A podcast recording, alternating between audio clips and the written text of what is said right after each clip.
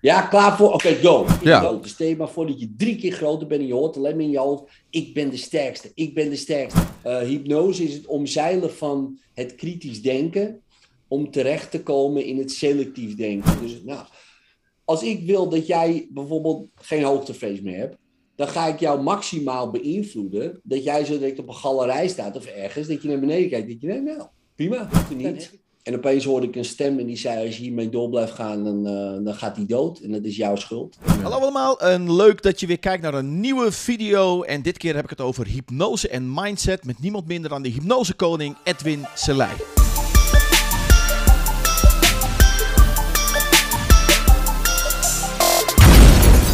Ja, in deze video ga ik dus praten met Edwin over hypnose en mindset in de sport, in je dagelijks leven. Het is een heel interessant gesprek.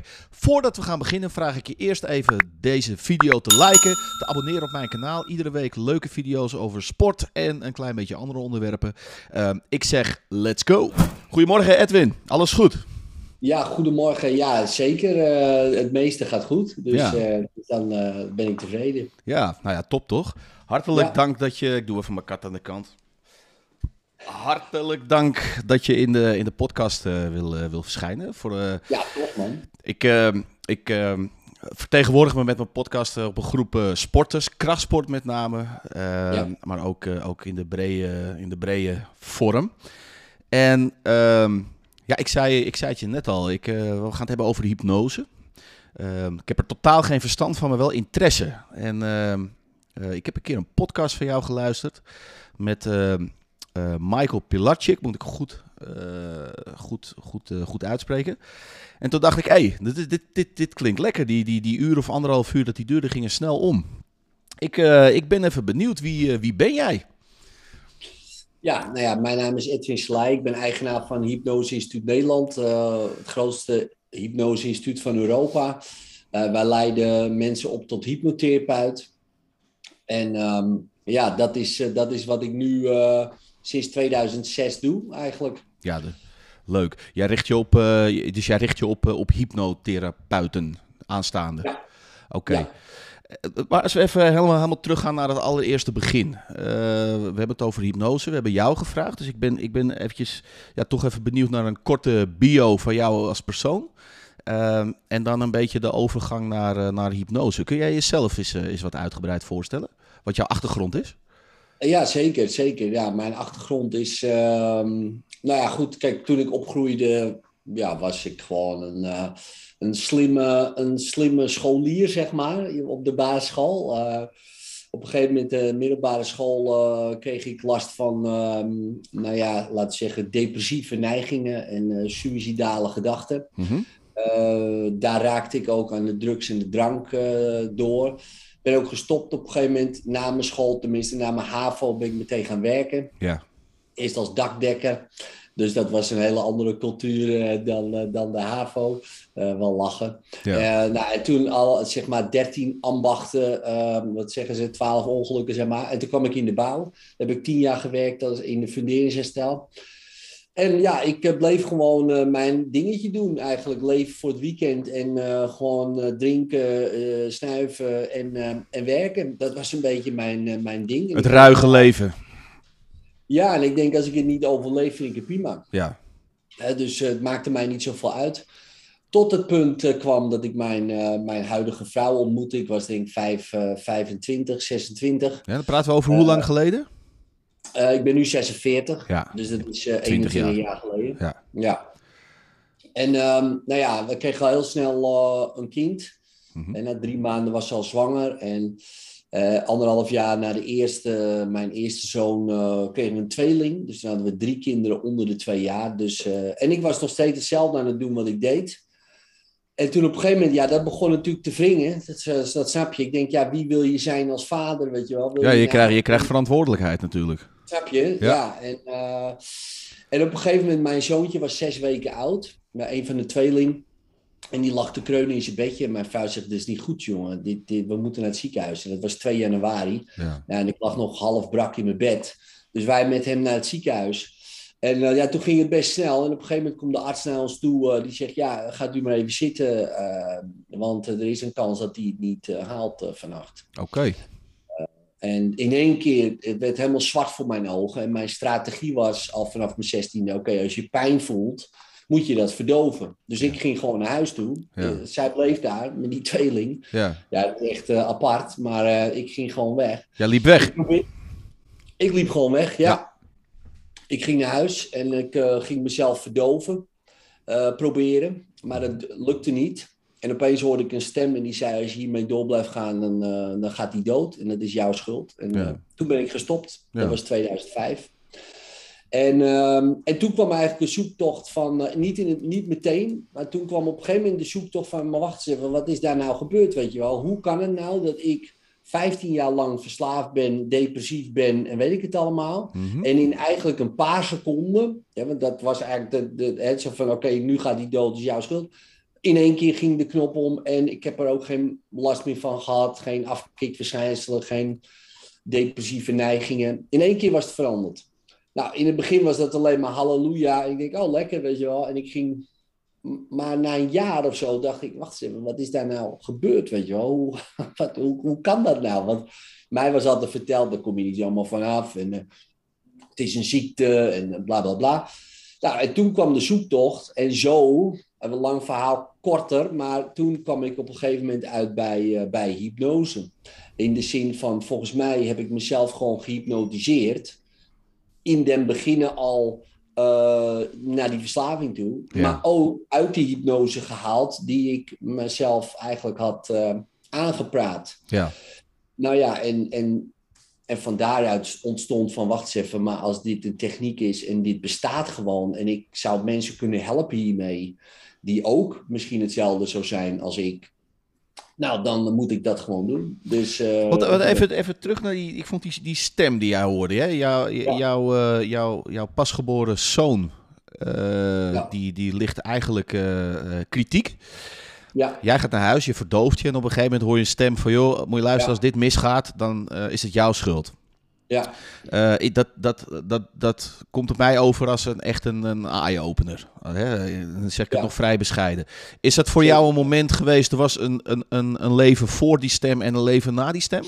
ja. Is dat, dat, Zeker. is een kanteling geweest? Ja, ik had ook lang haar. eh, ik had oorbellen. Ik had, ik had ook eh, mijn haarkleur veranderde. Ik haalde mijn haar eraf. eh, ik keek in de spiegel en ik zag gewoon een andere persoon. Ja. En dus eh, intern was eigenlijk alles veranderd. Maar goed, in mijn omgeving nog niet natuurlijk, weet je wel. Ik was voor de meeste mensen nog steeds... Ja, Edwin die leeft voor het weekend en dat is gewoon eh, een halve junk die een beetje zijn ding doet. Maar in, bij mij intern was het gewoon, oké, dit is klaar. Ja. En, en ga ik naar de volgende fase. Maar dat Oh, weet, je, dat, dat, dat weet je nu. Maar op dat moment weet je nog niet welke, welke pad je bewandelt. Hoe, hoe gaat dat?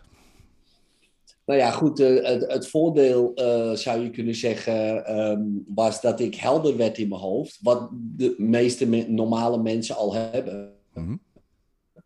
En was het zo'n contrast dat ik dacht, hè, en ik keek zo om me heen in de bouw en er waren allemaal ZZP'ers. Ik dacht, wacht eens even, deze mensen die verdienen 35 euro per uur. Ik doe hetzelfde werk en nog wel meer ook eh, voor een tientje per uur, geloof ik. Ja. Ik denk, weet je wat, ik word ook ZZP'er in de bouw. Dus daar begon het eigenlijk. En zo heb ik mijn opleidingen later gefinancierd. Dus eh, mijn oom was mijn baas, zeg maar. En die Ja. zei van ja, het, dit, jij bent geen ondernemer, jongen. Wat ben je aan het doen? Ga maar naar een seminar in de Kamer van Koophandel. En hij hoopte dat dat me zou afschrikken. Ja. Maar dat werd ik alleen maar enthousiaster. Want ik zat daar tussen consultants en coaches. En toen dacht ik, dat ga ik doen. Weet je wel, ik, ga, ik word coach. Ja. Waarom? Geen idee.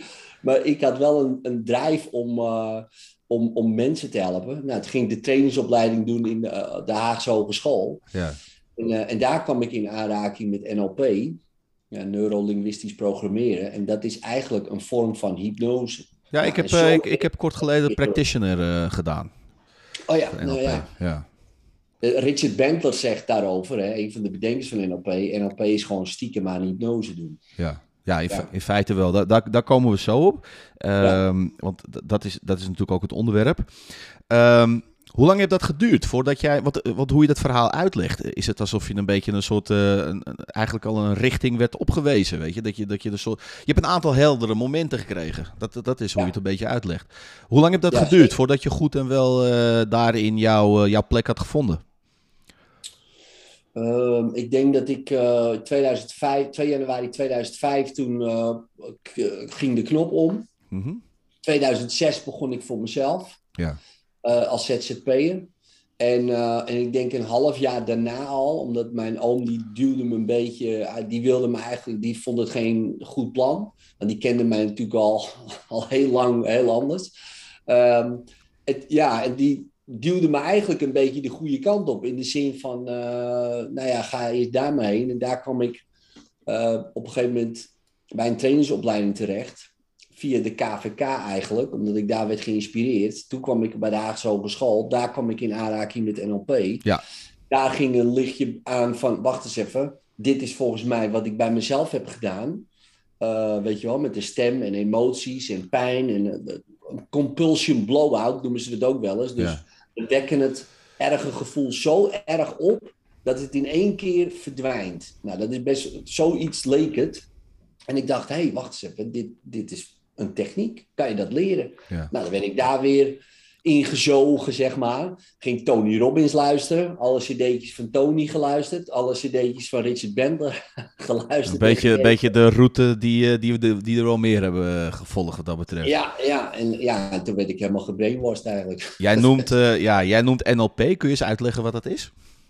Ja, NLP, uh, neurolinguistisch programmeren. Je zou kunnen zeggen... Uh, de programma's in je brein uh, aanpassen door middel van taal. Ja. Uh, dus zo zou je het een beetje kort door de bocht kunnen zeggen.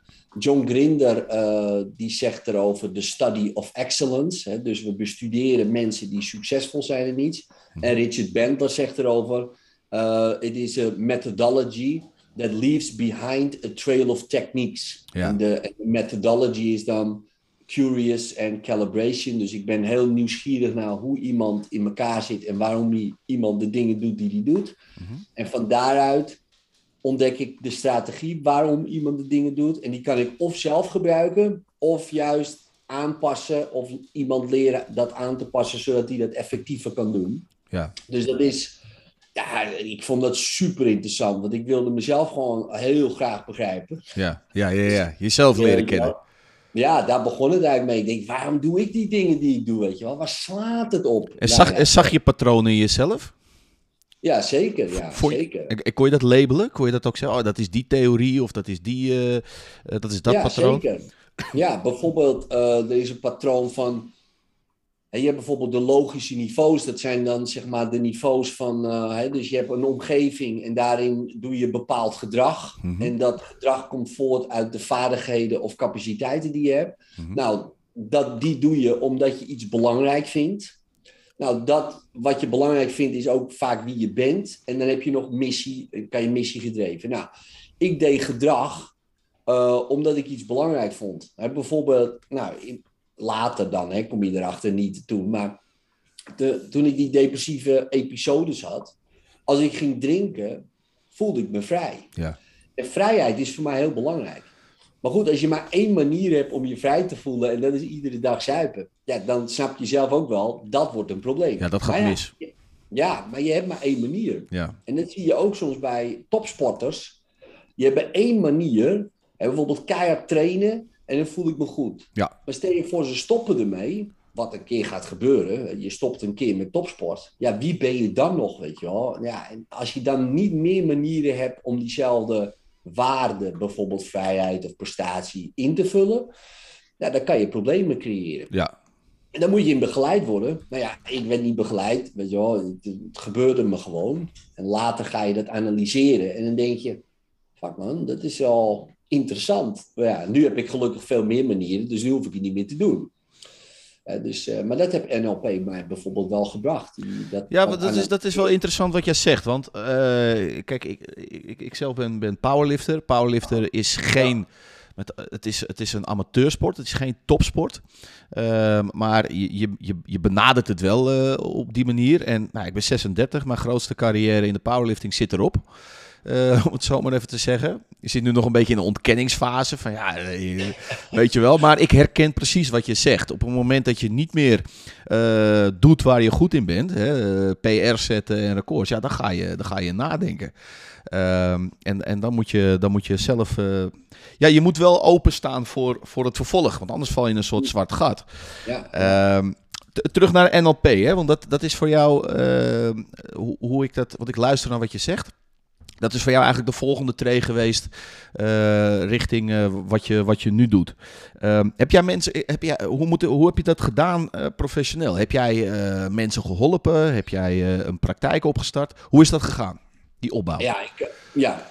dus ik, ik begon al heel snel met de praktijk. Hè. Ik ging ja. practitioner doen, NLP practitioner. Toen leerden we de fastphobia cure. Dus hoe je in 20 minuten iemand van een fobie af kon helpen.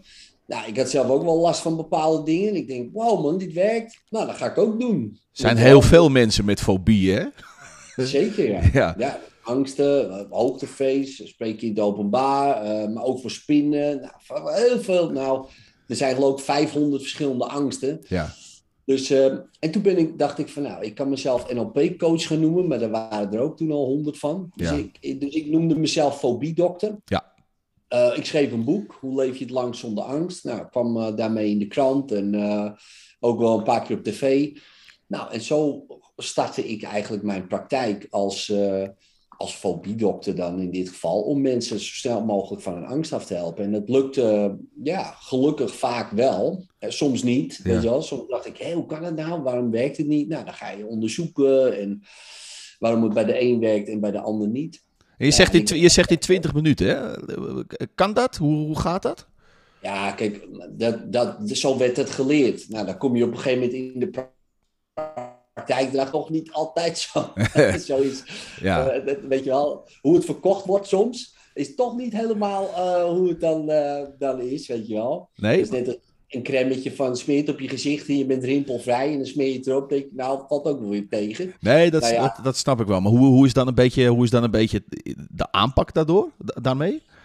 Nou ja, kijk, het, is, het, is zo, het ligt een beetje aan de persoon. Uh, dus, uh, en, en de klik. Het zijn heel veel variabelen, laat ik het zo zeggen. Maar het, het kan, een angst kan je oplossen tussen, ja, en het klinkt heel apart wat ik nu zeg, maar tussen de vijf of tien minuten ja. en ja, vijf sessies van anderhalf uur. Ja. Weet je wel? Ja. Dus, dus ergens daarin is, is de, nou, en de grootste uh, variabel is vaak uh, het geloof van de ander in jou en je techniek. Daar komt het vaak op neer. Ja, dus iemand moet zich... Als iemand mij helemaal gelooft en die zet helemaal in de, into de techniek en die denkt, ja, jij kan dit en dit en dat.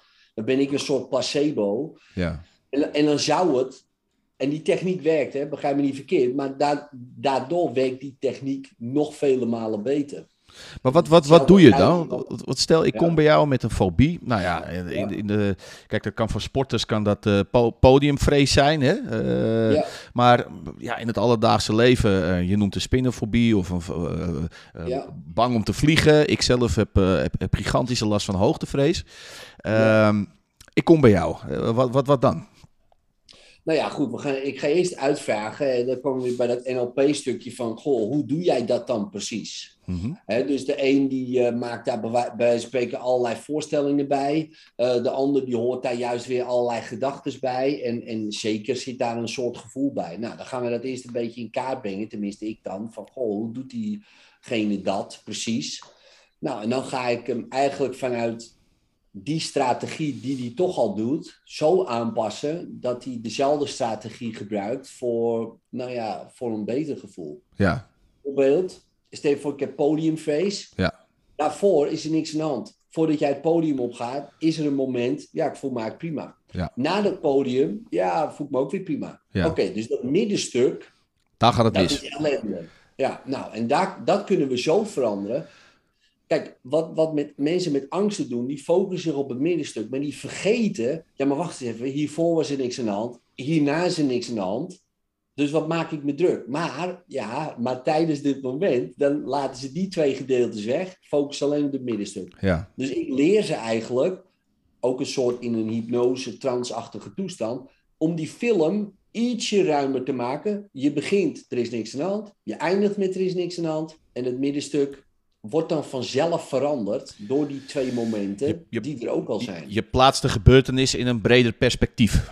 Klopt. Ja. En, en dat maakt dat die angst dan verdwijnt. Ja. En, en eigenlijk als je het zeg maar ehm, fysiek zou bekijken, mensen met angst die zitten helemaal zo, hè? dus die focussen zo, dus dan gaat tunnelvisie. Als je dat perspectief weer zo brengt, dus je laat ze hun ogen ontspannen en perifeer kijken, dus ze zien eh, dit en dit ook, dus Mhm. ik zie nu mijn handen, Mhm. dan kan er geen angst zijn. Angst kan niet bestaan in de periferie. Wel zo, Ja. dan, nou, en dat is eigenlijk dan hetzelfde effect met zo'n filmpje. Ja. Maar goed, voor de een werkt bijvoorbeeld deze techniek beter, dat die hand, oh ja, nou snap ik het. De andere een filmpje, de ander misschien een gedachte wat veranderen of een andere woord gebruikt. Nou goed, Ja, je moet ook de, de, de, de persoon die je tegenover hebt daar ook een beetje in analyseren. hè, Van wat, wat werkt voor Zeker. deze het beste. We hebben al een paar keer, we hebben nu een, een beetje NLP eh, genoemd. Ik, eh, ik heb zelf de practitioner cursus gevolgd. Vond ik heel erg Ja, interessant.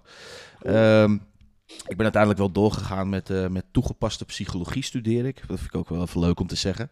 Ehm, ja, vind ik heel erg interessant. Hypnose, daar gaan we het over, over hebben. Ehm, wat is dat? Ja, hypnose, ja, kijk, duizend, eh, duizend hypnotiseurs, duizend eh, meningen.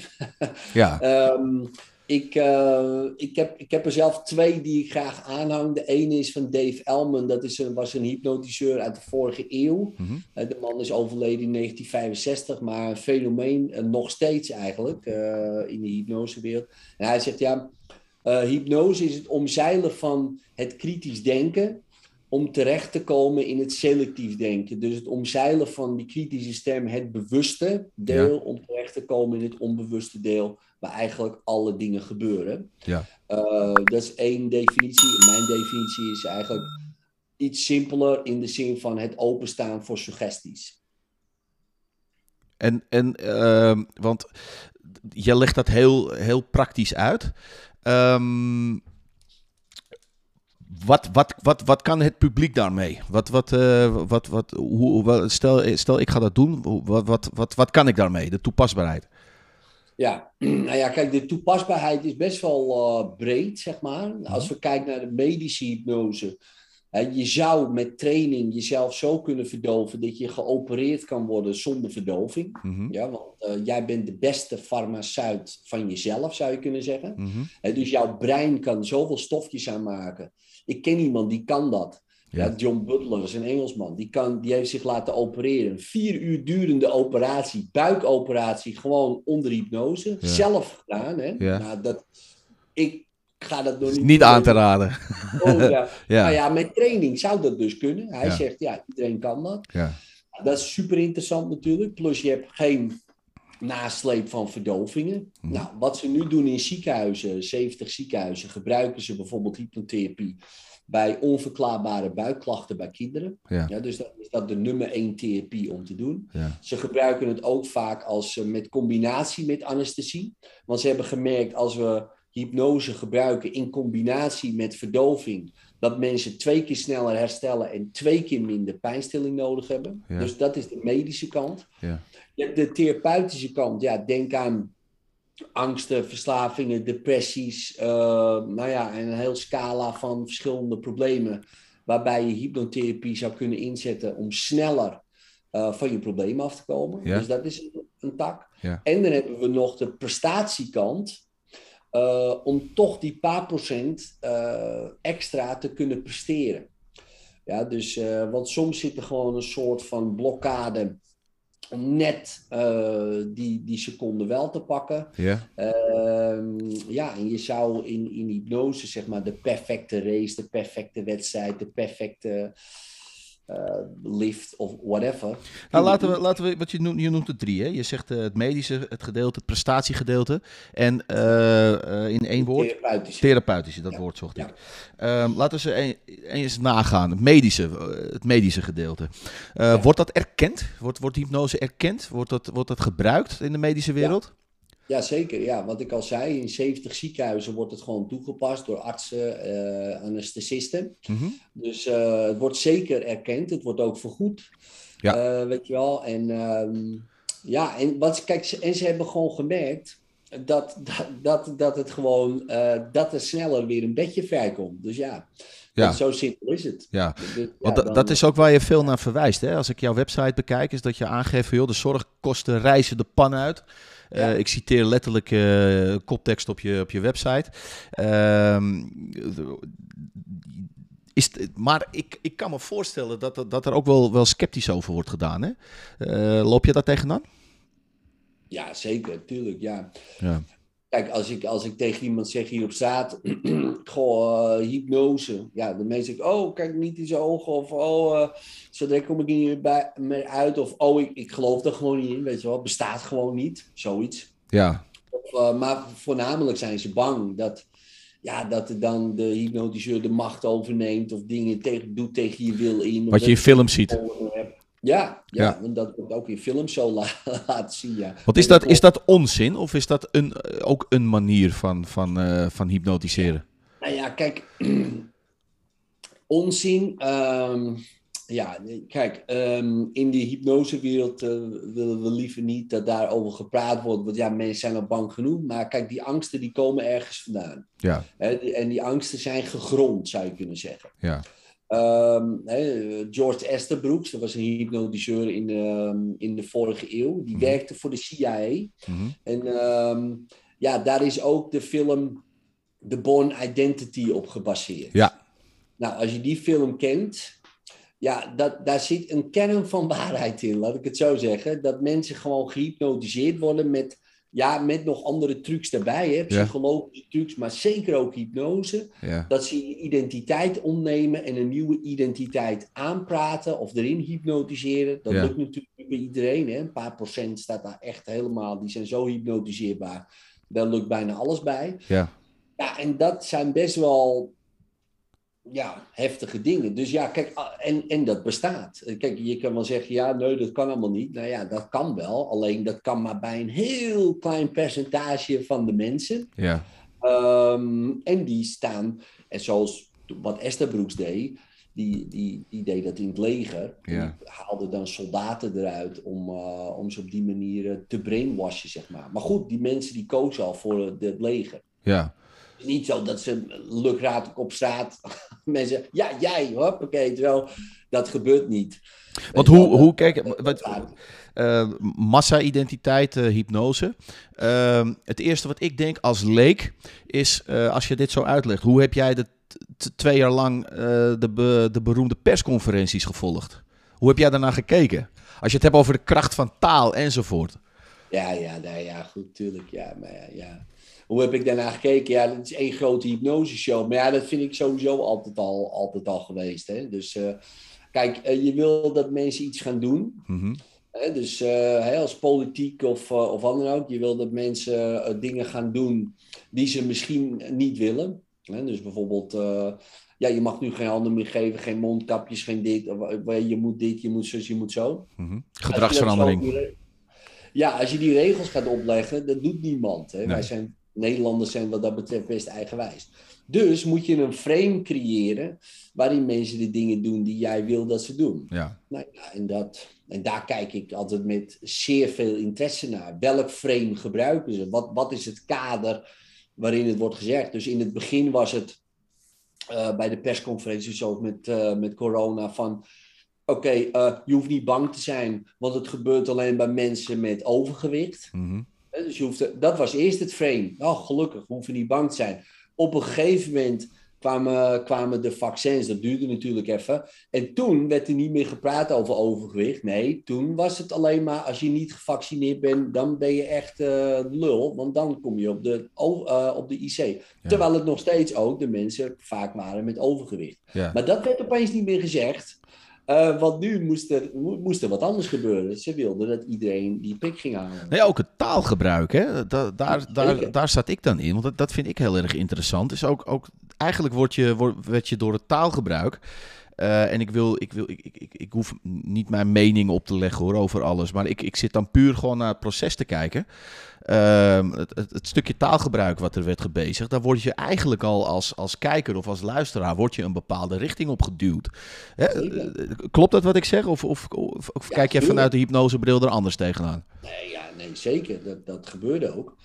Want ze willen dat jij iets gaat doen. Ja. bijvoorbeeld, eerst willen ze dat jij, uh, ze willen dat je die pik haalt, ze willen dat je dit gaat doen, ze willen dat. Nou, en vanuit dat, dat doel, die doelstelling die ze hebben, om wat voor reden dan ook, hè, maar die doelstelling hebben ze, mm dan gaan ze een frame bedenken ehm, ja, om jou, om jou uh, te motiveren om het te gaan doen. Bijvoorbeeld, eerst was het we moeten met z'n allen de zorg ontlasten. En opeens was het, ja, nee, we moeten de ouderen beschermen. Want je wil natuurlijk niet dat je oma doodgaat Precies. door jouw schuld. Ja. Je wel ja. zo? Ja. Dat je Jij wilt toch ook dat jouw oma blijft leven, weet je, wel? Ja, ja. Dat is heel heftig. Ja, vragen waar je eigenlijk geen nee op kan zeggen. Je, nee, eigenlijk heb je geen... Welke mij schelen, ja, ja, ik doe gewoon lekker mijn ding. Maar is dat, is dat, is dat, uh, wat, uh, om, om dat onderwerp een beetje, een beetje af te sluiten. Ik, ik, ik, ik wil per se toch even die corona erbij halen.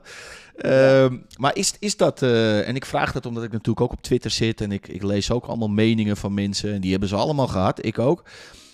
Dat hele proces, is dat een vorm van hypnose geweest of is dat onzin? Ja, tuurlijk is het hypnose. Ja. ja tuurlijk, ja, tuurlijk. Kijk, kijk hypnose, um, voor mij is alles hypnose. ja, mhm. dus taal is per definitie al hypnotisch. Ja. Ja, dus dus uh, kijk, jij praat in jezelf ook bepaalde ideeën jezelf aan. Ja. ik kan me voorstellen als jij uh, gaat bankdukken, ga je ook met, met die stem in je hoofd zeggen, oké, boom, je zegt die, waardoor je gewoon meer power hebt, meer dit. Dat is een vorm van hypnose. Ja. Je kan zeggen motivatie of wat dan ook.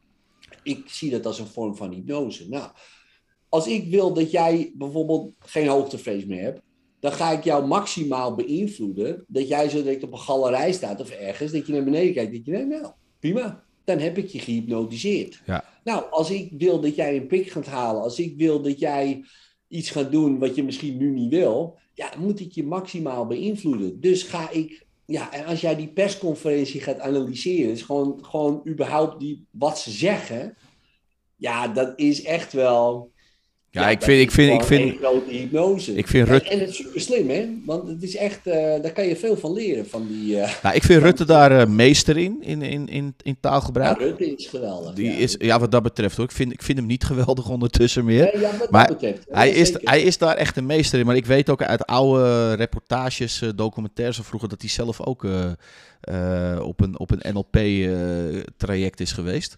Um, ja, het, het medische gedeelte, of dat, dat medische gedeelte, dat hebben we uitgelegd. Therapeutisch, eh, het alledaagse. Je, eh, mensen met een drugsverslaving, mensen met een fobie, uh, mensen met uh, in de hogere sector die, die, die speeches moeten geven enzovoort.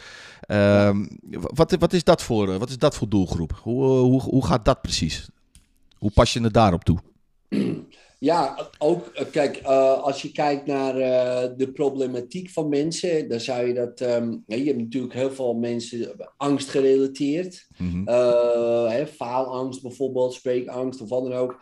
Nou ja, je hebt dan de verslavingsproblematiek, zeg maar. Ja. Dat is dan weer net even wat anders. Maar je hebt ook mensen die willen afvallen, bijvoorbeeld. Mm -hmm.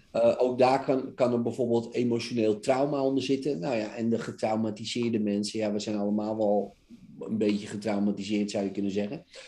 Dus ze lopen allemaal wel ergens soms tegenaan. Nou, wat je dan doet, is, uh, stel je voor iemand komt bij me en zegt, ja, weet je wat, tegen dezelfde problemen aan. Mhm. Ik wil daar vanaf. Nou, dan kort door de bocht gezegd, kunnen we zeggen, oké, ik breng je in hypnose. Uh, omdat je dan zo open staat voor suggesties, kan ik tegen je zeggen: Oké, ga nu terug naar het allereerste moment dat dit probleem ontstond. Mhm. Dan ga je daarheen. Yeah. Je komt ergens terecht. Dat kan tussen 0 en 5 jaar zijn, wat je helemaal vergeten bent. Mhm. Bijvoorbeeld, je bent drie en je vader liep, die stond met de koffers bij de deur en die ging, nam afscheid. En je hebt hem nooit meer gezien. Je dacht dat je dat wel zo'n beetje verwerkt had, maar opeens kom je weer vol in die emotie. Dat je denkt: Shit, mijn vader of wat dan ook. Daar lossen we het op, die imprint, die kern. Dat je daar oké bij voelt. Weet je, wel? Mhm. je accepteert, het is prima. Je groeit weer op. en je probleem is veranderd. Dus je neemt, Dat is een beetje kort door de bocht hoe dat gaat. je Ja. drukt iemand in feite met een. Met, eh, je, je drukt iemand eigenlijk gewoon met zijn, met zijn neus op de feiten. Waar hij eigenlijk helemaal niet mee bezig was. Zeker, ja. En wat gebeurt er dan met die mensen op het moment dat, ze, dat, dat er iets wordt opengehaald wat, wat ze, waar ze nog helemaal zich niet bewust van waren?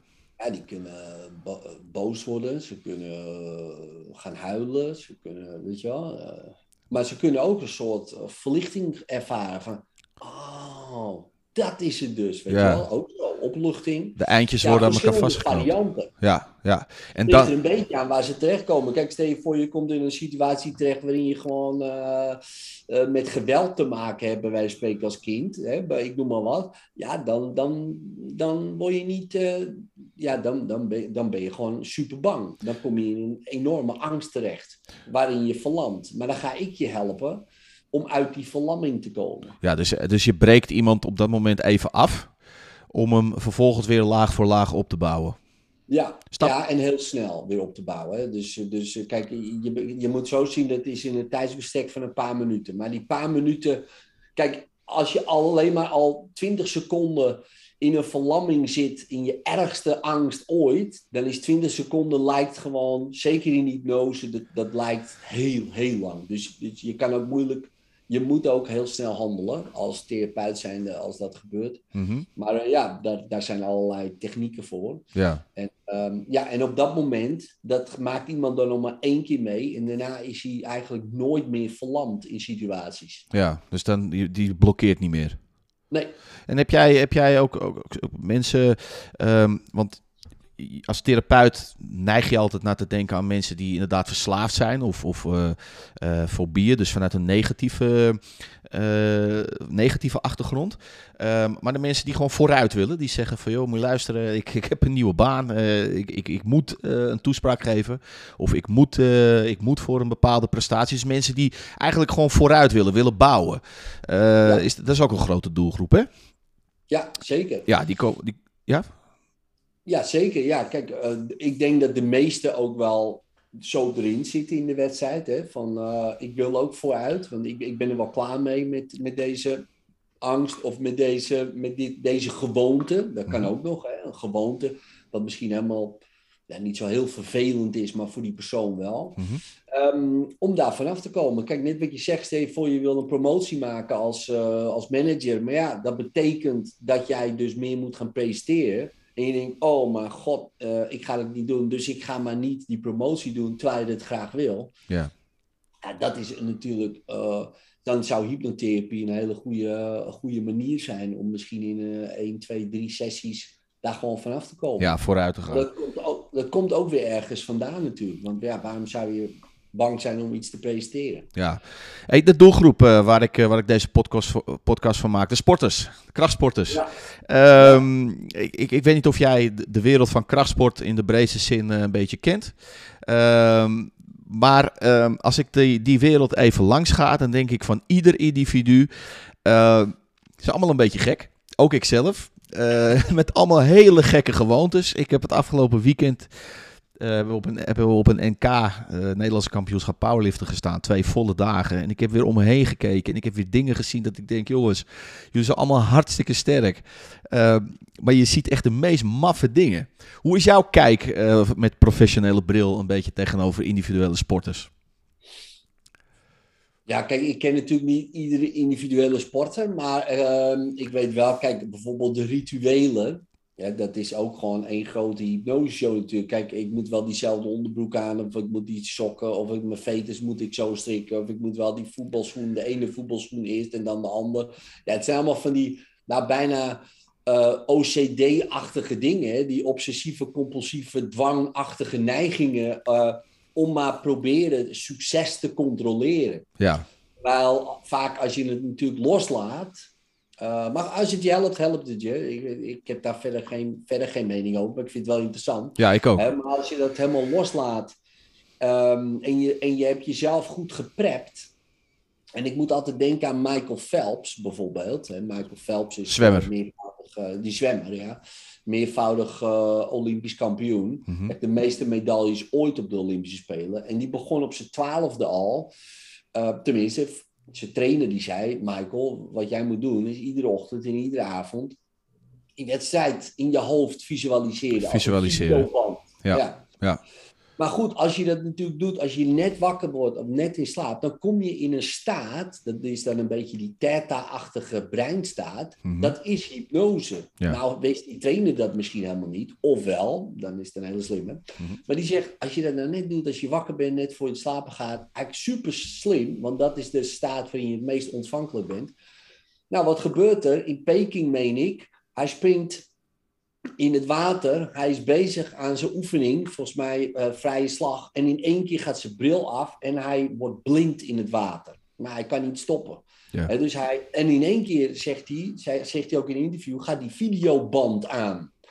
En hij ziet gewoon, want hij heeft ook getraind in het donker en dat soort dingen. Dus nou, prima. En hij gaat tellen, 21, 22. En hij tikt de muur aan. Hij komt boven, hij ziet nog steeds niks. Hij kijkt nieuw wereldrecord goud. Ja.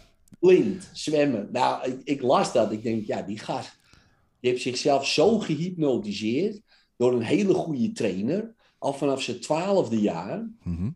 eh, dat, die, dat dat het verschil op een gegeven moment heeft gemaakt. Want kijk, als jij met zeven andere zwemmers staat, die fysiek net zo sterk zijn, hè, daar komt het wel zo'n beetje op neer, die fysiek ook de perfecte bouw hebben om in de finale te staan van de Olympische Spelen. Die net zoveel trainen, iedere dag vier uur in een zwembad liggen of wat dan ook. Wat maakt dan nog het verschil verder? Ja. Nou ja, dan, dan, dat is misschien dan net die ene procent van die videoband wel in zijn hoofd en niet in die andere hoofd. Dat is het stukje visualiseren, hè? dus jezelf uh, die in, in, die, in die staat brengen. Wat, wat, ik, uh, wat ik vaak voor me zie, is wat ik nou denk ik 60, 70, 80 procent, is dat het mentale aspect iemand juist blokkeert. Dat, uh, dat, dat mensen niet in staat zijn om zichzelf in een mentale. Daar, daar zit voor mij altijd heel veel werk in. Bij heel veel verschillende sporters. Wat jij zegt van je moet het visualiseren. Daar heb ik zelf ook wel ervaring mee. Ik, ben, ik ben met, met mijn laatste bankdrukwedstrijd. Ben ik met, uh, met twee tennisellebogen eigenlijk. En, en een hele slechte uh, fysieke voorbereiding ben ik ingegaan. Maar op het moment dat is wat ik ook uh, heb ervaren. Uh, dat is dat je, dat, dat, dat je nou, ik zei dat eigenlijk een uur van tevoren, voordat ik op moest, ging er bij mij een knop om. En dat je jezelf in een echt een totaal andere staat uh, manoeuvreert. Je voelt geen pijn meer. Uh, echt alleen maar tegen mezelf gezegd: ik ben, ik ben de sterkste.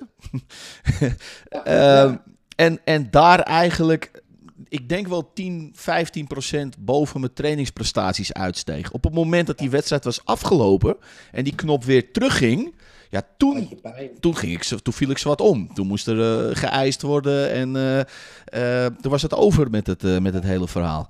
Um, is dat, is, leg jij dat ook uit als, als hypnose? Of, of zijn Zeker. Er, ja. Meditatie, is daar een overlap in? Hoe, hoe zou jij dat samenvatten? Voor mij, voor mij is, dat, is dat een vorm van hypnose. Ja. En moet je je voorstellen dat je gewoon inderdaad, jij kan dat dus zelf. Ja.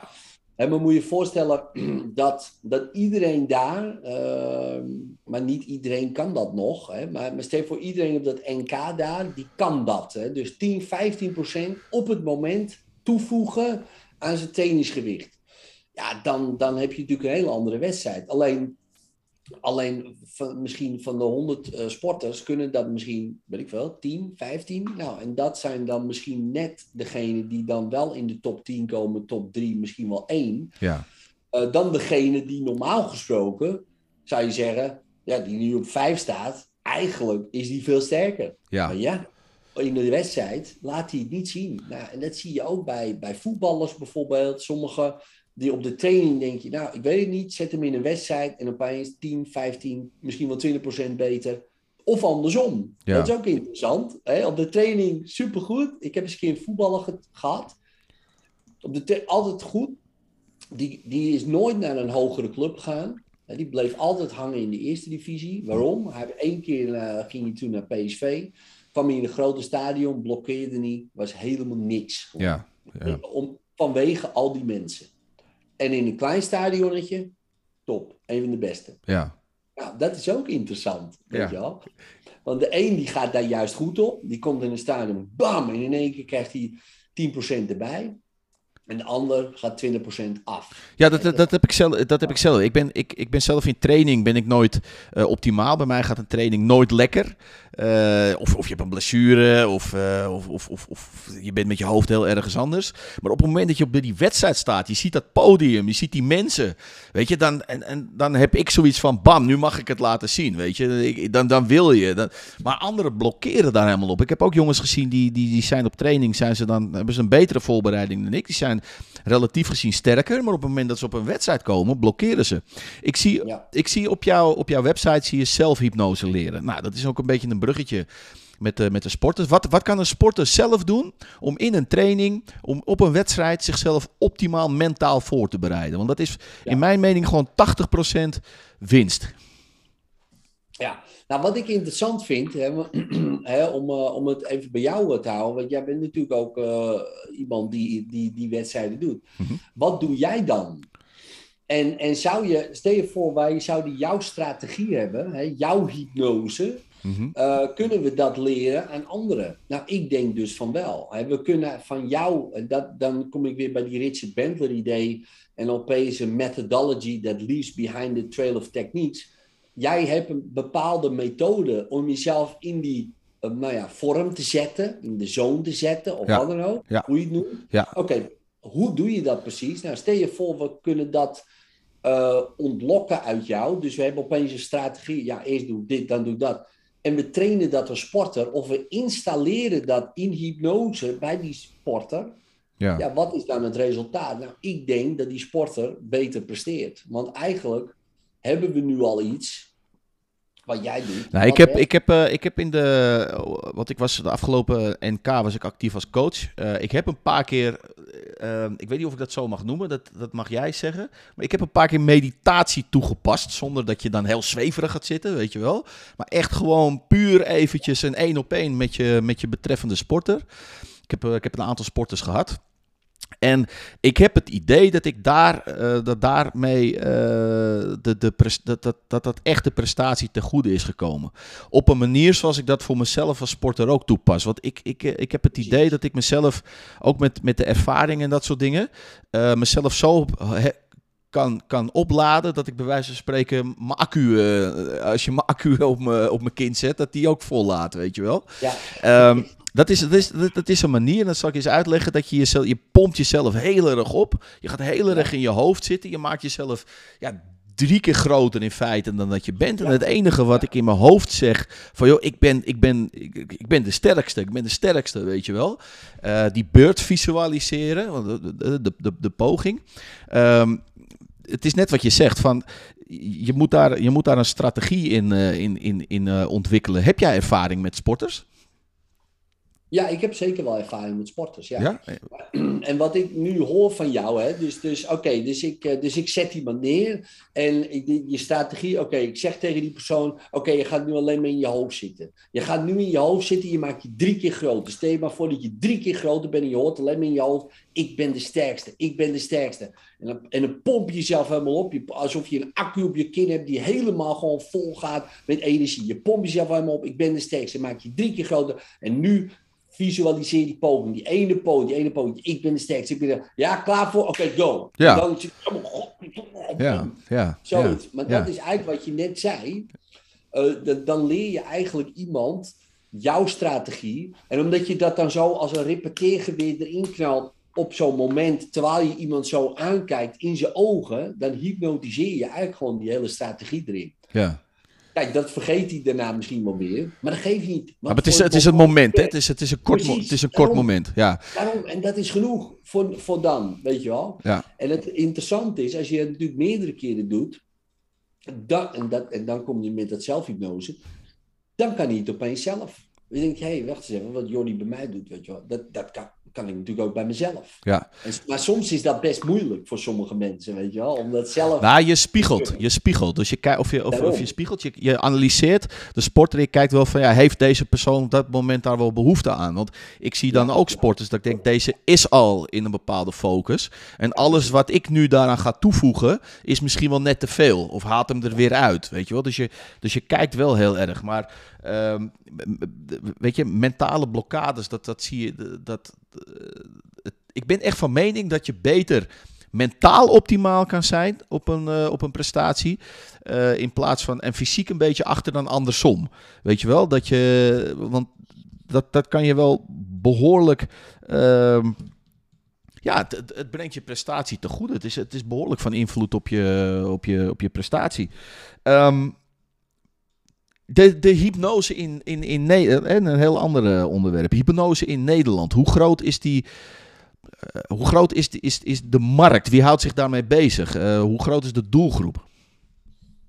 Um, nou ja, de markt. Ja, wat is de, uh, hoe groot is de markt? De, je bedoelt de mensen die hypnose toepassen, bedoel je? Of, therapeuten. therapeuten. Ja, therapeuten. Nou ja, goed, wij leiden heel veel therapeuten op. Ja. Dus de markt wordt ieder jaar groter daarin. Ja. Um, en dan zou je denken, nou, op een gegeven moment zijn er wel genoeg. Maar als je kijkt naar dat de wachtlijst van de GGZ nu een jaar is, ja, dus als jij een probleem hebt en je wil dingen, uh, en je denkt, ja, ik, heb, ik zit echt gewoon, ik, weet je wel, ik zie die me zitten. Oké, okay, mm. ik zie u over een jaar. Precies, dat, precies. Extreem, extreem, extreem. Ja. Dus ja, wij, wij, wij, zijn nog lang niet klaar. Dus, dus de markt uh, qua mensen met problemen, ja, sinds, ook sinds corona is gewoon verdubbeld. Ja, wat ben jij tevreden hoe mensen, hoe mensen worden geholpen met, uh, met nee. problemen en klachten? Nee. Want eigenlijk, ik stel de vraag en ik weet je antwoord al. nee, maar daar kunnen ook die, met die hulpverleners kunnen er ook niks aan doen. Maar die zitten in, onder zo'n tijdsdruk, weet je wel. Die ja. hebben zoveel mensen die ze moeten helpen in zo'n korte tijd. Nou, dan gaan ze dat doen op hun eigen manier, hoe ze getraind zijn. Dus ja, vaak helemaal niet heel effectief en resultaatgericht. Ook daar kunnen ze niks aan doen, want ja, dat hebben ze niet zo geleerd. Mm -hmm. Ze hebben vaak ook de mindset van ja, je komt hier toch niet in 1, 2, 3 sessies vanaf. Mm -hmm. Kijk, en wij hebben wat meer tijd als therapeut zijnde.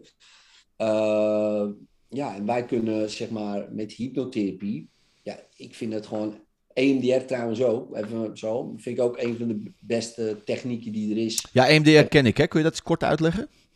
Ja, EMDR is in wezen gewoon uh, contact maken met, nou ja, je trauma, laten we zeggen, je gevoel of een beeld wat je nog steeds de hele tijd uh, voor je ziet. Mm -hmm. Dat vasthouden en dan gaat iemand met bijvoorbeeld een vingertje zo, dan moet je die vinger volgen of met geluidjes, piep, piep, piep, piep. Dan moet je daarop focussen terwijl je dat beeld vasthoudt in het gevoel. Mm -hmm. En dat verandert dan het gevoel en het beeld. Ja. Ja, super, super efficiënt en effectief. Het enige nadeel is uh, aan EMDR, is dat je wel dat gevoel en dat beeld moet kunnen vasthouden, terwijl je je focust op die vinger. En dat kan niet iedereen. Uh, en dan werkt het minder goed. Maar als je het wel kan, ja, ik vind dat iedere hulpverlener dat sowieso moet kunnen. Nou, het bizarre Want... is met EMDR dat ik letterlijk heb gezien dat iemand met een, met een traumatische gebeurtenis uh, en daarin hing, uh, als een andere persoon na één sessie terugkwam. Daarom. Dat, ja, dat, dat is EMDR. En, um, Kijk, en als, je dat, als iedere hulpverlener dat zou kunnen in zo'n GGZ, en dat mm -hmm. kunnen ze niet eens allemaal, dan zou dat ook wel weer heel veel schelen. En ik zal niet zeggen dat iedereen altijd daarmee geholpen is. Maar ja, stel je voor, je kan 50 of 60 procent van de mensen in 1, 2 sessies weer op de rit hebben. Ja. Nou, dat scheelt weer. Want dan heb je voor die andere mensen wat meer tijd. Ja. ja, en dat vind ik toch wel een gebrek. Dan denk ik, ja, dit is in principe wetenschappelijk bewezen. Het zijn allemaal technieken die werken. Alsjeblieft, gebruik ze, weet je wel. Ja, ik, ik, ik begrijp dat soms gewoon niet. Maar ja. Ja, en um, jij, maar goed, dan ben jij er. Hè? Ik bedoel, uh, jij, jij bent in staat om, om mensen uh, op het juiste pad te zetten. Ik heb jouw opleidingen bekeken. Jij geeft drie opleidingen, als ik het goed heb. Ja. Uh, ja. Principles, Playground en Pathfinder. Ja. Mijn Engels is nooit helemaal 100%. nee, Wat mij opvalt op jouw website is dat je het hebt over het spel. Uh, ja. En uh, het werkt. En uh, je moet het zien. Um, het, het, eerste wat ik me afvroeg van, nou ja, wat is het spel? Wat, wat, wat, wie is ze? Wat moeten ze zien? Wat is het? Kun je, kun je dat eens uitleggen, wat je, wat je daarmee bedoelt? Ja.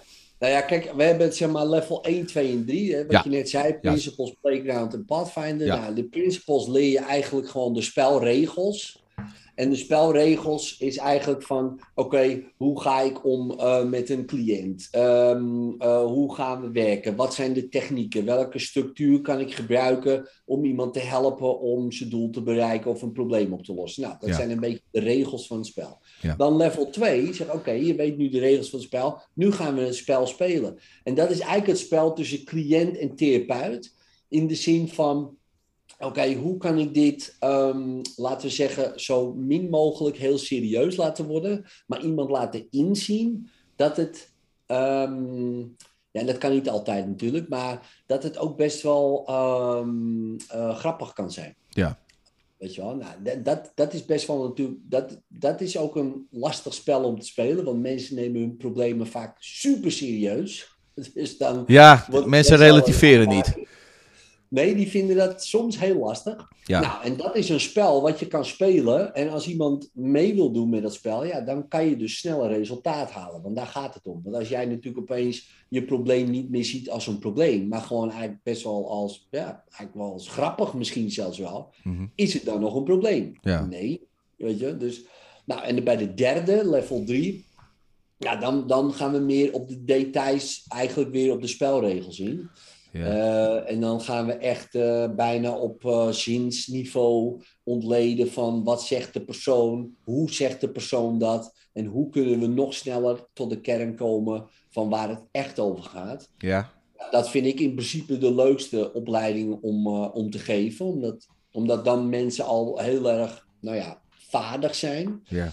en dan echt op detailniveau die vaardigheden aanscherpen. En... en... bijvoorbeeld, iemand kan bijvoorbeeld, als ik het zie in de sportwereld, stel voor, iemand kan gewoon hartstikke goed bank drukken of uh, squatten of wat dan ook. Denk, ja, lekker, weet je wel. Nu gaan we je trainen voor die paar, paar kleine details aanpassen, zodat je gewoon eigenlijk nog een extreme resultaat haalt, terwijl je denkt dat er niks eigenlijk meer in zit. Ja, dat vind ik het meest interessante. Ja. Uh, vroeger niet. Vroeger vond ik het leuk om iemand van nul naar weet ik veel, uh, 80% te brengen. Maar nu vind ik het eigenlijk veel leuker om van 80 naar 100 te gaan. Om die, die kerst op de taart uh, nog, nog te zijn. Ja, ja, dat vind ik nu het leukste. Ja, ja. Uh, maar goed, dat, um, dus dat is het eigenlijk, ja. Ja, dus, dus, dus dat, dat, dat, dat spel, hè? Jij, leert mensen, jij leert mensen met een probleem, dat ik, ik, probeer even samen te vatten wat je, wat je vertelt, hoor, hoe dat op mij overkomt. Je probeert mensen met een probleem dat eigenlijk kleiner te maken, te relativeren en daar uh, grip op te krijgen. Ja, en, en het zelfs al niet meer te zien als een probleem. Hè? Dus meer als een feit. Dus, dus stel je voor, er is een spin en ik ben bang voor een spin. Nou, hoe kan ik bang zijn voor een spin?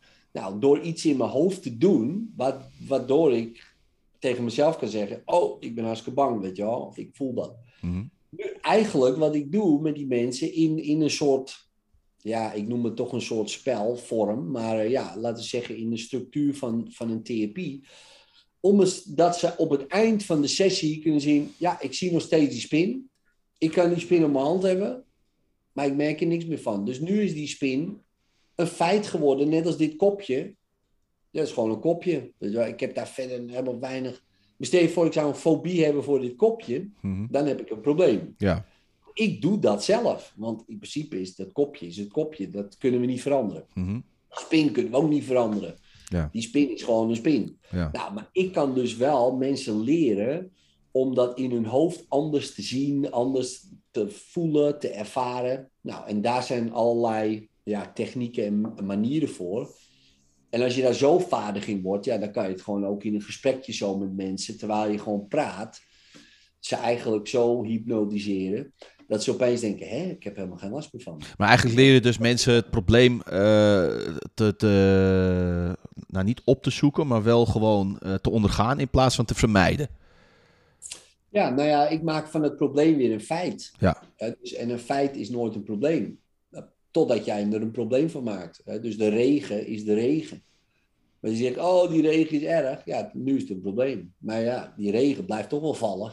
Ja, ik bedoel, het is gewoon een feit. Eigenlijk, eigenlijk is alles zo samen, samen ik, ik luister goed naar je en eigenlijk is alles uh, gewoon samen te vatten met hoe jij tegen jezelf praat. Hè? Een, ja. een, stem, hoe jij, hoe jij over. En dat is wat ik ook vaak zie, weet je wel. Uh, dat, dat, dat, dat ik zeg van nou, uh, je, hebt, je hebt een goede. Je hebt lekker getraind, hè? Ja, maar het, het squatten ging niet. Uh, weet je wel, uh, een goede, je, hebt een, je hebt een lekkere wedstrijd gedraaid. Hè? Ja, maar ik vond het wel zwaar.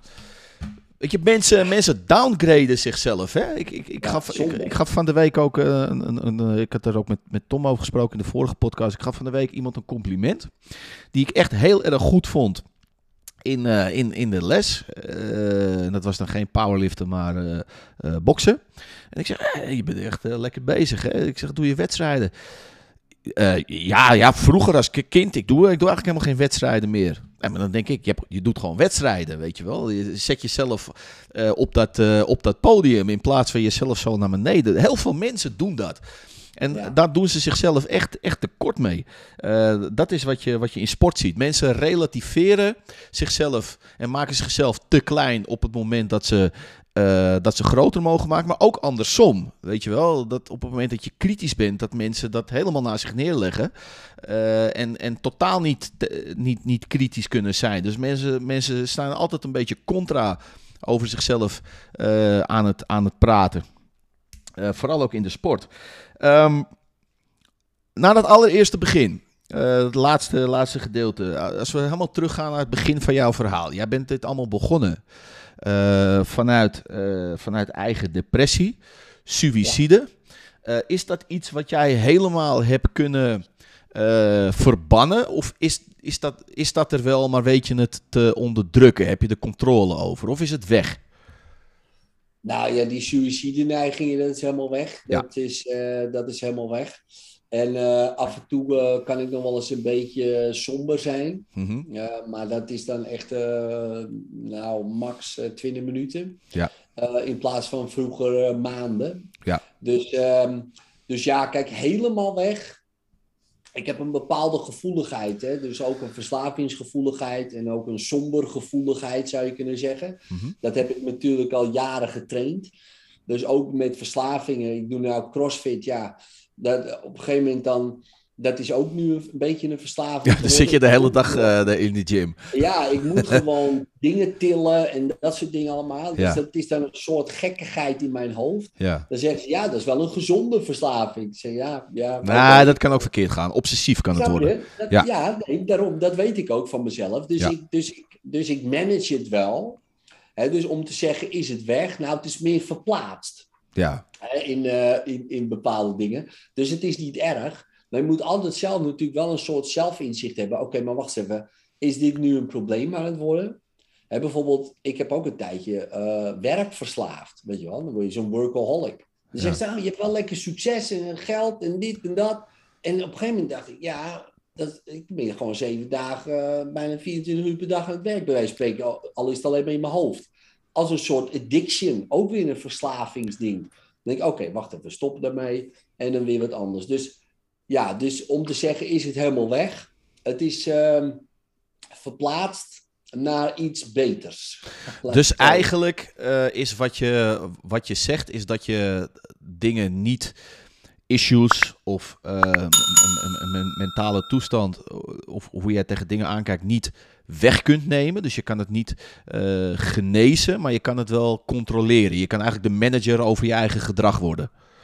Ja, je zou kunnen zeggen de strategie die je doet, uh, hè, bijvoorbeeld uh, de verslavingsstrategie, mm -hmm.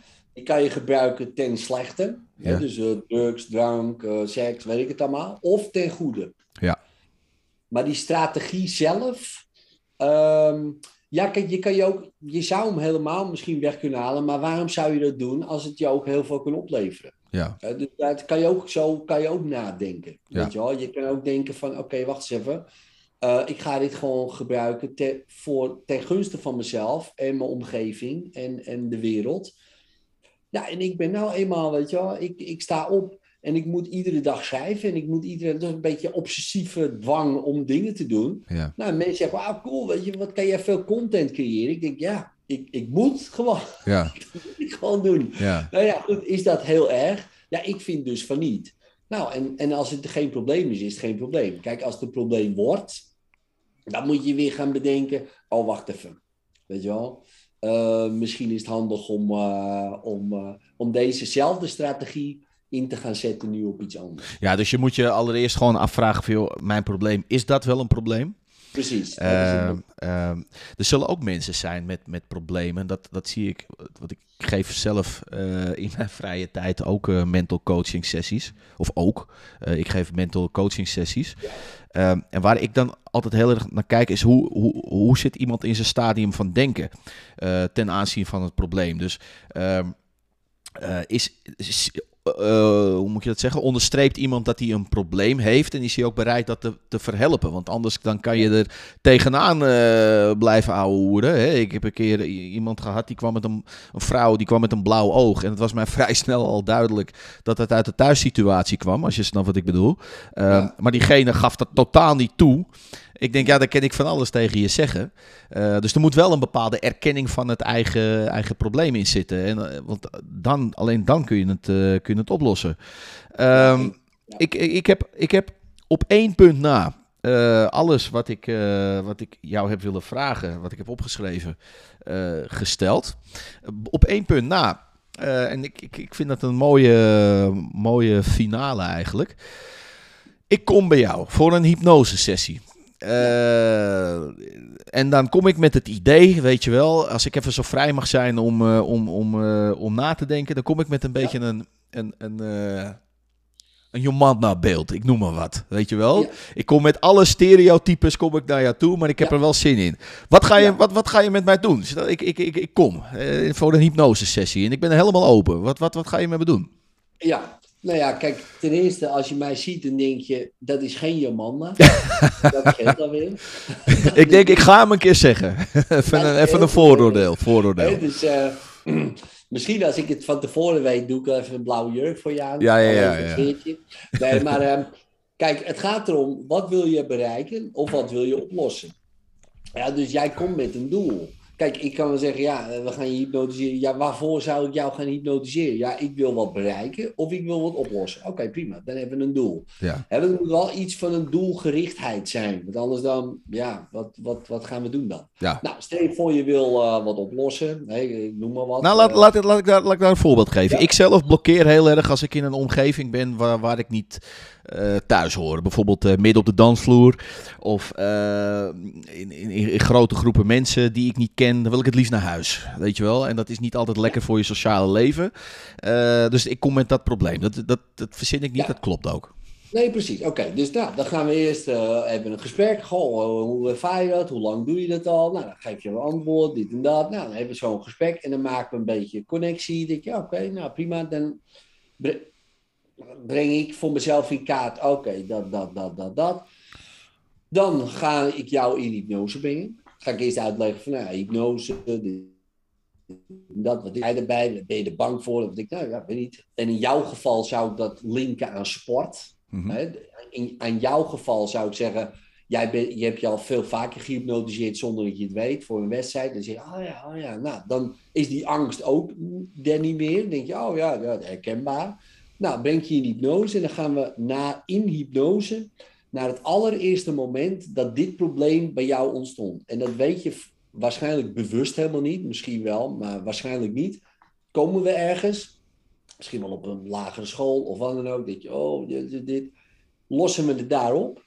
We groeien op, alsof het nooit gebeurd is in je brein. Zo van, ja, maar dit, deze situatie is nooit gebeurd, dus alle andere situaties, ja, zijn ook nooit gebeurd. Dat klinkt heel gek, want je weet nog wel dat het gebeurd is, maar gevoelsmatig niet meer. Nou, en dan, als dat allemaal is gelukt en we hebben het getest, denk nu nog eens een keer aan zo'n moment. Probeer het gevoel eens op te halen. Wat je voelt, nee, het lukt niet meer, het is weg. Oké, nou dan gaan we het live testen. Of jij dan gaat live testen. Dan ga je naar een van de onbekende groep. Ga je op een dansvloer staan en denk je, nou, Best goed te doen. Voor mij prima. Ja. en dan is het geslaagd, zeg maar. Ja, ja. Dus dat is een beetje hoe, uh, hoe we dan zouden werken, maar, maar wel echt wel met een doel. Want jij wil natuurlijk iets bereiken of iets oplossen. En uh, ja, en ik wil je helpen. Kijk, en om alleen maar gewoon een ervaring van hypnose, denk ja. Hè, never waste a good trance, zou Eriksen zeggen. Wat is dat het? Uh, ben je, als, als ik die sessie dan bij jou heb gehad, uh, en ik, ik, ik zou dat overigens echt leuk vinden om dat een keer gewoon te doen. Uh, maar als ik die, ja, als ik die, uh, als ik die bij jou heb gehad, stel dat duurt een uur. Of hoe lang duurt dat? Ja, zoiets. Ja, stel dat duurt een uur. Ben ik dat, ben ik dat uur van de wereld geweest? Ben ik dat kwijt? Kan nee. ik het me niet herinneren? Is het een nee, gesprek? Het ja, kijk, het voorgesprek heb je sowieso wel een herinnering bij, want we zijn we gewoon aan het praten. Mm -hmm. Maar stel je voor, je bent uh, 40 minuten van die tijd in hypnose, ik noem maar wat. Ja, dan, dan kan het lijken alsof het maar een minuutje of tien was omdat in de tijd vervormt in hypnose. Mm -hmm. He, sommige mensen denken, hé, wat is nou klaar? Dan denk ik maar tien minuten. Ik zeg, moet je kijken op de klok. Dan zitten ze, hé, zo lang? Ja. Dat, zo voelden het niet. Ja. Nee, precies. Dus, dus de tijd heb je een soort vervorming in hypnose. Maar je weet in principe alles gewoon nog, ja. wat we gedaan hebben. Alleen het lijkt veel korter vaak, of soms langer, weet je wel.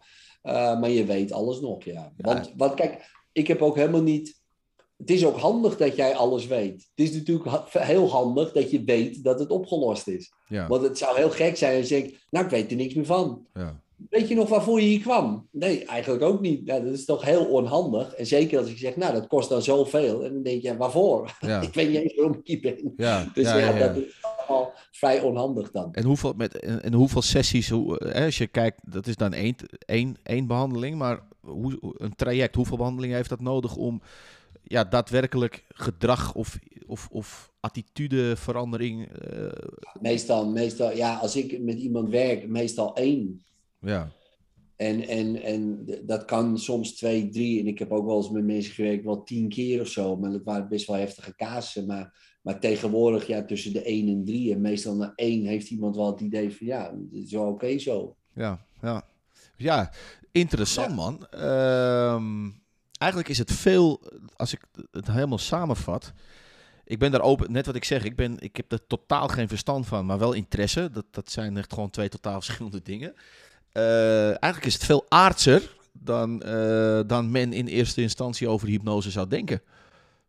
Ja, dat denk ik ook, ja. Heel veel mensen denken, oh, zweverig of wat dan ook. Denk, ja, weet je, we hypnotiseren ons de hele dag al. Hè? Net wat jij zegt op een wedstrijd ook, doe je dat ook eigenlijk. Maar ook voor een wedstrijd, ook tijdens een training, op een dansvloer. En je zegt, oh jezus, wat is dit? Eigenlijk zijn we de hele tijd uh, onszelf aan het hypnotiseren. Of worden we getriggerd door allerlei dingen.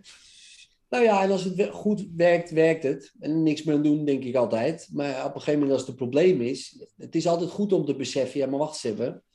Het feit zelf hoeft geen probleem te zijn. Nou, uh, hoe ik ermee omga, is het probleem. Oké, okay, nou, dat, ik kan leren hoe er anders mee om te gaan. Ja, nou, het Zelfs in de meest heftige dingen, heftige situaties, kan je, kan je altijd andere keuzes maken. Nou, als het dat, je dat, dat, dat, dat is het precies. Want het meest bizarre vind ik.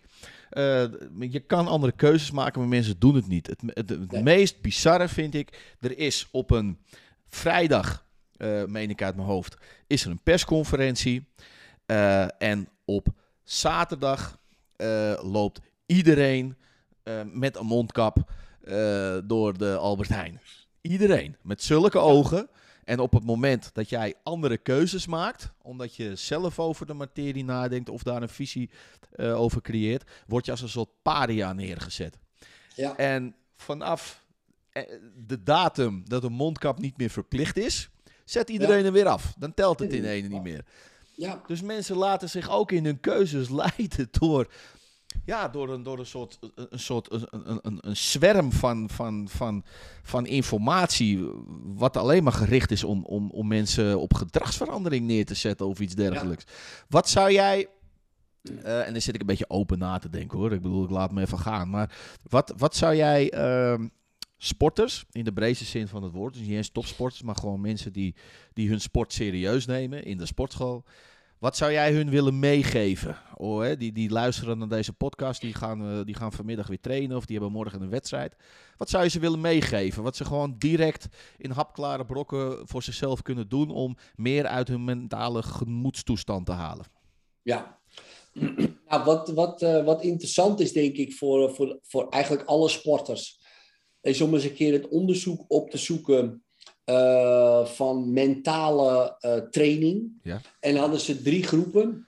Hadden ze een controlegroep, hadden ze een, iemand, uh, een groep die ging fysiek trainen en een groep die ging visualiseren. Mhm. Nou, en wat gingen ze dan doen? Met een vinger, een hand en dan met een vinger een gewichtje zo. Ja. Weet je wel zo. Nou, en dan maanden zo trainen met een gewichtje. De ander die ging niks doen, die lag alleen zijn handen, deed verder niks de controlegroep. En de andere die ging visualiseren dat die vinger omhoog ging met een gewichtje. Maar die tilde die vinger niet op. Ja. Nou, na drie maanden gingen ze zeggen, nou, diegene met die vinger was iets van, meen ik, ik weet de cijfers niet helemaal uit mijn hoofd, maar 30% kracht verbeterd, weet je wel. Gewoon, nou, logisch ook, want ja, je hebt je vinger getraind met een gewicht. Ja. Die controlegroep, nul. Maar die mentale groep, iets van 15% meer. Dus dat was gewoon bijna ongeveer de helft, terwijl ze niks hadden gedaan behalve dat. Ja. Dus als je dat zou toevoegen aan je training, hè, dus je gaat en het fysiek doen en het mentaal doen, dan zou je kunnen zeggen dat je niet 30% verbetert, maar met die 15% erbij 45% verbetert. Ja. Nou, ik denk voor iedere sporter, Ja. of je nou amateur bent, ik ook, weet je wel, ik ben ook amateur. Ja. Ik vind het super interessant om dat toe te voegen Uh, aan, je, aan je training. Ja? Dus ook, uh, net als Michael Phelps, s ochtends en s avonds, hè, als je het leuk vindt tenminste, om even bijvoorbeeld na te gaan, in mijn geval bijvoorbeeld deadlift of wat dan ook, te visualiseren, oké, ik til nu zoveel, ik til nu zo. En dat echt gewoon uh, met die microspiertjes, dat echt, echt voelen aan, dat je echt ook fysiek daarmee bezig bent, even zo en je zou merken, opeens ga je het tillen, dat je oké, lijkt, lijkt wel lichter. Ja. Ja. maar dat is ook letterlijk, heb je het getraind. Ja. Dus ja, dat kan ik iedereen meegeven. Dus een soort wel. Een meditatie. ja, een soort Ja. meditatie waarin je de situatie eigenlijk gaat visualiseren. Ja, en ook echt gewoon gaat, zo gaat imagineren, dat je ook echt je lichaam voelt eh, aanspannen. Ja, ja, En dat hoeft niet heel strak zoals nu normaal bij een training, maar, maar wel dat je echt voelt, oei, er gebeurt wat in mijn, in, in mijn lichaam met die mi- microspiertjes, zeg maar. ja, Ja. ja. Ja, interessant man. Ik, eh, ik, ik onderstreep dat. Ik heb daar, eh, daar, daar heel veel ervaring mee voor mezelf. In eerste instantie onbewust, omdat ik natuurlijk mezelf wel aan het preppen was. Ja. Maar helemaal niet van, nou, nu ben ik, nu ben ik aan het mediteren of nu ben ik mezelf aan het ment- mental coachen. En later ga je dat inderdaad herkennen. Hè? En, en, dus ik onderstreep dat ten zeerste. Eh, dat je. Maar Dat bij, je jou, maar bij jou, Jordi, ook, hè, wat, ik, eh, wat ik ook met van mijn eigen trainer, Erwin, Mhm, die dat ook zei, van met de CrossFit Games had hij, kreeg hij een hernia. ja. En toen moest hij gaan deadliften. En hij zei, ik strompel naar die deadlift, dat was 220 kilo. En hij zei, ik til zo die deadlift op. En daarna kon ik zeven jaar niet meer dat gewicht tillen. Ja, Want toen ja. had hij een driedubbele hernia. Maar ik bedoel maar, wat je dus kan met je mind, is nog best nog bijna gevaarlijk. Dat je zo jezelf kan hypnotiseren. Dat je, want jij, wat je net zei ook, dat je geen één pijn meer voelt. Dat je complete anesthesie hebt. Ze zouden bij wijze van spreken in je kunnen snijden en het interesseert je niet. ja. En je de bank drukt. En daarna, wat je mooi zegt, gaat die knop weer op. Ja, ik, Dus ben- je ik, ik, uit die ik- hypnose en pang! ja dat, maar dat, dat, dat ging in november ging dat letterlijk. Want ik heb echt met twee tennisellebogen op die wedstrijd gestaan. Eh, in, in, in mijn, eh, eh, in mijn, mijn WhatsApp-groep met, met al mijn, mijn teamleden ook gezegd van jongens, dat wordt helemaal niks. En ik ga liggen op die bank en we beginnen dan met een lege stang om even warm te worden. Nou, dat is, dat is vergelijkbaar met een bezemsteel. Je voelt nog helemaal... En ik wist op dat moment, ik ga een Nederlands record drukken. Dat zei ik ook, na die lege stang. Terwijl je nog, nog helemaal niks hebt gedaan. Maar er ging bij mij een knop om, ik ga een Nederlands record drukken. Nou, je, je pompt jezelf helemaal op, weet je wel. En Het is zo'n vis die, die, die vier keer groter wordt. Nou, je maakt even, dat, dat, dat doe ik dan. Je, je, je maakt even een klein beetje hier en daar, even, even ruzie, weet je wel. Je, je, je, Ja. ja, dat, dat, dat is niet netjes, maar zo gaat dat. we, zijn ook Geen, we zijn ook geen koorknapen. En, en, en ik voel helemaal niks meer van welke blessure dan ook. Uh, het, het, ik, ik, voel dat het heel veel energie kost wat ik doe, maar dat je dat, dat weet vast te houden. Uh, en op het moment dat ik mijn prestatie had geleverd, inderdaad een Nederlands record, wat er in de training helemaal niet voor de hand lag. Ja, je, je, je gaat zitten, je voelt het wegtrekken, die blessures komen terug. Je bent helemaal, helemaal kapot. En, en, en, en de dag later of een week later in de sportschool, je drukt nog niet de helft, weet je wel. Uh, dus, dus puur op. Bizar, dat, dat, dat is bizar. En dat is.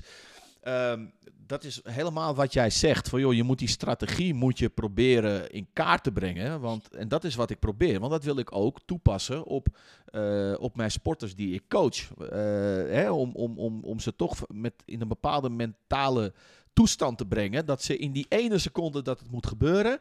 Uh, een x aantal procent meer presteren dan, dan dat fysiek logisch zou zijn. Hè? Dus het optimale eruit halen. En Um, want ik krijg ook heel vaak van sporters in voorbereiding. Van, ik heb een blessure, ik meld me af. Uh, of het wordt helemaal niks. Ik heb het aan mijn rug. Of ik heb, ik heb het aan mijn knieën. Of, of dit of dat. In aanloop naar een wedstrijd lopen sporters altijd tegen een blessure aan. En ik, kijk, ik kan niemand wat verbieden, maar eigenlijk verbied ik het ze haast om zich af te melden. Want ik zeg altijd: let maar op, je, al, al heb je nu van alles op die wedstrijd, ben je fit. Want alles komt op dat moment, als je goed gefocust blijft, komt op dat moment samen. En dan die blessures die je nu hebt, dat denk je op die wedstrijd geen eens meer aan. Uh, dus, dus ja, ik vind het wel, dat is een beetje de samenvatting van, van mijn verhaal in combinatie met de jouwe.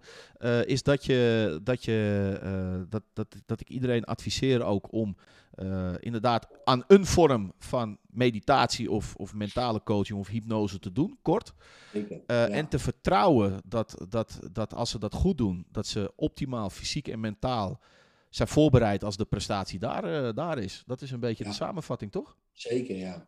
Ja. ja, en ik denk, kijk naar bijvoorbeeld uh, andere sporters, uh, zoals Sven Kramer met, met je rugproblemen en wat dan ook. En dan toch nog even wat eruit perst, weet je wel, op zo'n vijf kilometer, wat dan ook. Eigenlijk kan het niet eens. Nee. Weet je wel, eigenlijk zou je zeggen, Sven, blijf gewoon thuis, ga liggen. Maar ja, dan gaat die, die doet dat ook. Die is dan zo sterk in dat mentale nou, stuk nou, ik, fysieke overstijgt. Ik wil dan eigenlijk een ander voorbeeld noemen. Wat ik het meest bizarre vond was Rico Verhoeven in zijn laatste wedstrijd. Die eigenlijk gewoon altijd zegt van joh, ik hoef niet de betere vechter te zijn. Ik weet niet of hij dat letterlijk zegt, maar ik sta altijd één keer meer op dan mijn tegenstander. En dat ook gewoon doen. Ja, en en je, bent, je bent half verbouwd eigenlijk. Ja, zeker. Niemand zag niks. Ja. Nee, nog steeds niet volgens mij. Niemand geeft er een krimp voor. Maar juist door, door dat, dat continu tegen zichzelf te zeggen. Van luister, ik, ik, ben... Ja, ik denk dat als we voorbeelden gaan bedenken... dat we er uh, nog wel, uh, wel, wel tig kunnen Ja, zeg maar Rico is er zeker ook eentje. En dat zie je ook soms op Instagram met die trainingen. Hij wil altijd winnen. Weet je wel? Hij kan gewoon... Hij, kijk, hij wil gewoon niet verliezen. Dat is eigenlijk ook een beetje wat erin zit. Van niet eens dat hij wil winnen, hij wil gewoon niet verliezen. Dat is zo'n sterke drive. Ja, dat, dat, dat, dat overstijgt dan ook allerlei dingen. Ja, en, maar ik, ik geloof zeker wel um, dat je dat erin kan niet nou, ik, had, uh, ik, had, uh, ik had afgelopen weekend had ik een voorbeeld van een, uh, van een sporter die ik aan het begeleiden was. En, en, en, en je moet je voorstellen, powerlift is dan, dan drie onderdelen. Je krijgt per onderdeel drie kansen. En die moeten progressief zijn. Dus je mag niet zeggen van nou 100 kilo ging niet. Ik doe 80. Nee, 100 kilo ging niet. Dan moet je nog een keer 100 kilo. Uh, je, mag alleen maar of, je mag alleen maar omhoog. Snap je? Dus, ja. dus op het moment dat iemand voor een x aantal kilo's kiest, dan is dat, dan is dat zijn ondergrens, zijn nulmeting. Dus die moet, hij moet beter worden. Ja. Als dat niet gaat. Uh, nou, dat, dat, dat, dat, ging dus met, met de eerste twee onderdelen, het squat en het benchen. Dat, dat ging eigenlijk voor, voor, niet lekker op dat moment. Ik vond het nog redelijk, maar niet helemaal conform de uh, voorbereiding. En eigenlijk werd er nergens meer voor getild. Uh, en uh, ze zei eigenlijk van, ik stop ermee. Ik wil uitstappen. Ik wil, en dat kan, hè. Je kan zeggen van, nou, er valt hier niks meer te halen. Ik richt mijn energie op de volgende wedstrijd. maar ik zeg, nee, dat gaan we niet doen. Want juist nu eh, kun je laten zien wat voor karakter je hebt. Weet je wel, het is makkelijk als je goed in de wedstrijd zit om, eh, om daar eh, lekker op door te gaan. En je tilt aan je kilo's wel, maar juist nu moet je aan jezelf laten zien wat voor type persoon je bent. Weet je wel, de, de, de, de, de veren, hoe noem je dat? Het, het, het, het, het opveren. Veerkracht, dat woord zocht ik. Ja, ja, Veerkracht tonen, karakter tonen. Want juist nu wil ik. En uh, toen, toen ben ik inderdaad een beetje dat, dat, dat, dat meditatie gaan, gaan, gaan, gaan toepassen. Heel kort, hè? een paar minuutjes maar hoor. Uh, en we hebben eigenlijk gewoon een hele topserie neergezet uh, op, op het deadliften. Ehm, en zich daarmee ook op een respectabele plek op de, op de ranking gezet. En die wedstrijd is uiteindelijk gewoon heel goed gegaan. Ja, cool, ehm, dus ja, ik, ik denk dat we nog wel uh, honderd voorbeelden kunnen noemen. Maar ja, ik denk dat we er. Uh, ik denk dat we zeker, er... zeker. Er zijn legio voorbeelden. Ja, ik denk dat. we... Mike Tyson, Mike Tyson uh, in zijn biografie zei ook dat hij iedere week door een hypnotiseur werd, werd gehypnotiseerd voor de wedstrijd. Ja, er zit een beetje een. Waarschijnlijk een beetje een, een, een cliché op. Ik hoop dat het breder erkend gaat worden in, uh, in, in, in sporten. Breder toegepast. En dat het eigenlijk een, voor iedere sporter een, een, een, een standaard uh, aspect gaat worden op zijn trainingsroutine. Ja, zeker. Ja. En ik denk ook dat heel veel dat al doen. Ja. Alleen niet per se de link naar hypnose leggen. Maar, maar zouden ze dat wel doen, dan gaat er nog weer een wereld open met nog meer mogelijkheden. Dus denk ik, oh wacht even, ik doe al zoiets.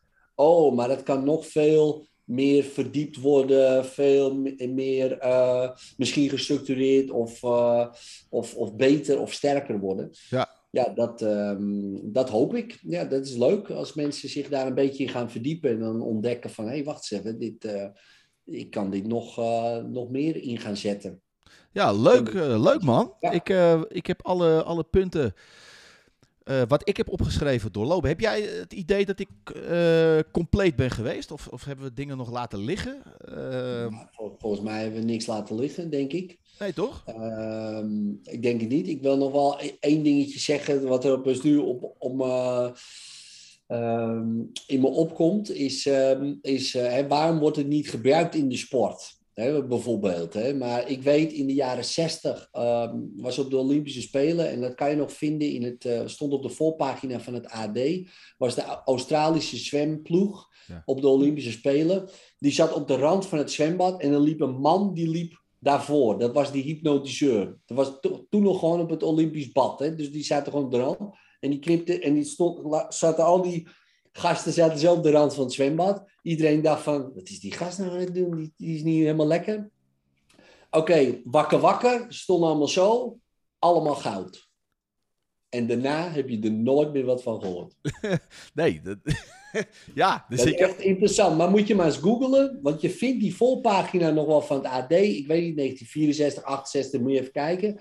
Maar dan zie je inderdaad die zwemmers zo op de rand van het zwembad zitten. En kan jij nou, dat ook? Jij, jij, jij, kan het ook met je...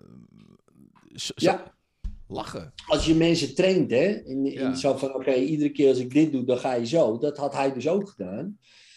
Nou, en toen dacht ik, oké, okay, dat kunnen twee dingen betekenen. Eén, het is verboden. Als een soort doping mag je dat niet meer doen. Maar als ik sporter zou zijn, ik zou eerst denken, wat een gek jongen. En, maar ik zie ze allemaal goud winnen. denk ik, wacht eens even. Hey, dat wil ik ook. man. Dat wil, dat wil ik ook. Ik weet niet wat hij doet. Ja, maar hij doet het wel goed. Ja, ja, ja. Ja, toch? Ja. ja. En dat vond ik zo fascinerend dat ik dacht, oh, wacht eens even. Het was er al. Maar het is waarschijnlijk underground gegaan. En toen heeft het toch een beetje ook zijn kracht verloren misschien en uh, ja, dus dat is misschien wel leuk voor sporters. Denken van, hé, wat is dat? Zoek het op. Want het is echt wel, uh, ja, ik vond het een fascinerend stuk. Nou ja, ik denk dat het een mooi bruggetje is dat ik zelf ja. een keer een uh, sessie bij je inboek. Ik weet ik, ja. en dat, dat, dat, dat, ik het zelf van de lijve ga, ga ondervinden. Ik ga dat zeker doen. Lijkt me hartstikke leuk. Edwin, ik wil je, ik wil je bedanken voor je tijd. ik, vond het, ik vond het fascinerend. Ik vond het leuk om naar te luisteren. Ehm, ik hoop dat jij het ook leuk vond. Ja, ik vond het uh, super tof. Ja, ja, dank je. Ja, en uh, ik, ik wil deze even lekker aan iedereen laten luisteren. En misschien dat we over een paar maanden eens een level 2 kunnen maken. Gewoon dat we even wat dieper erop ingaan.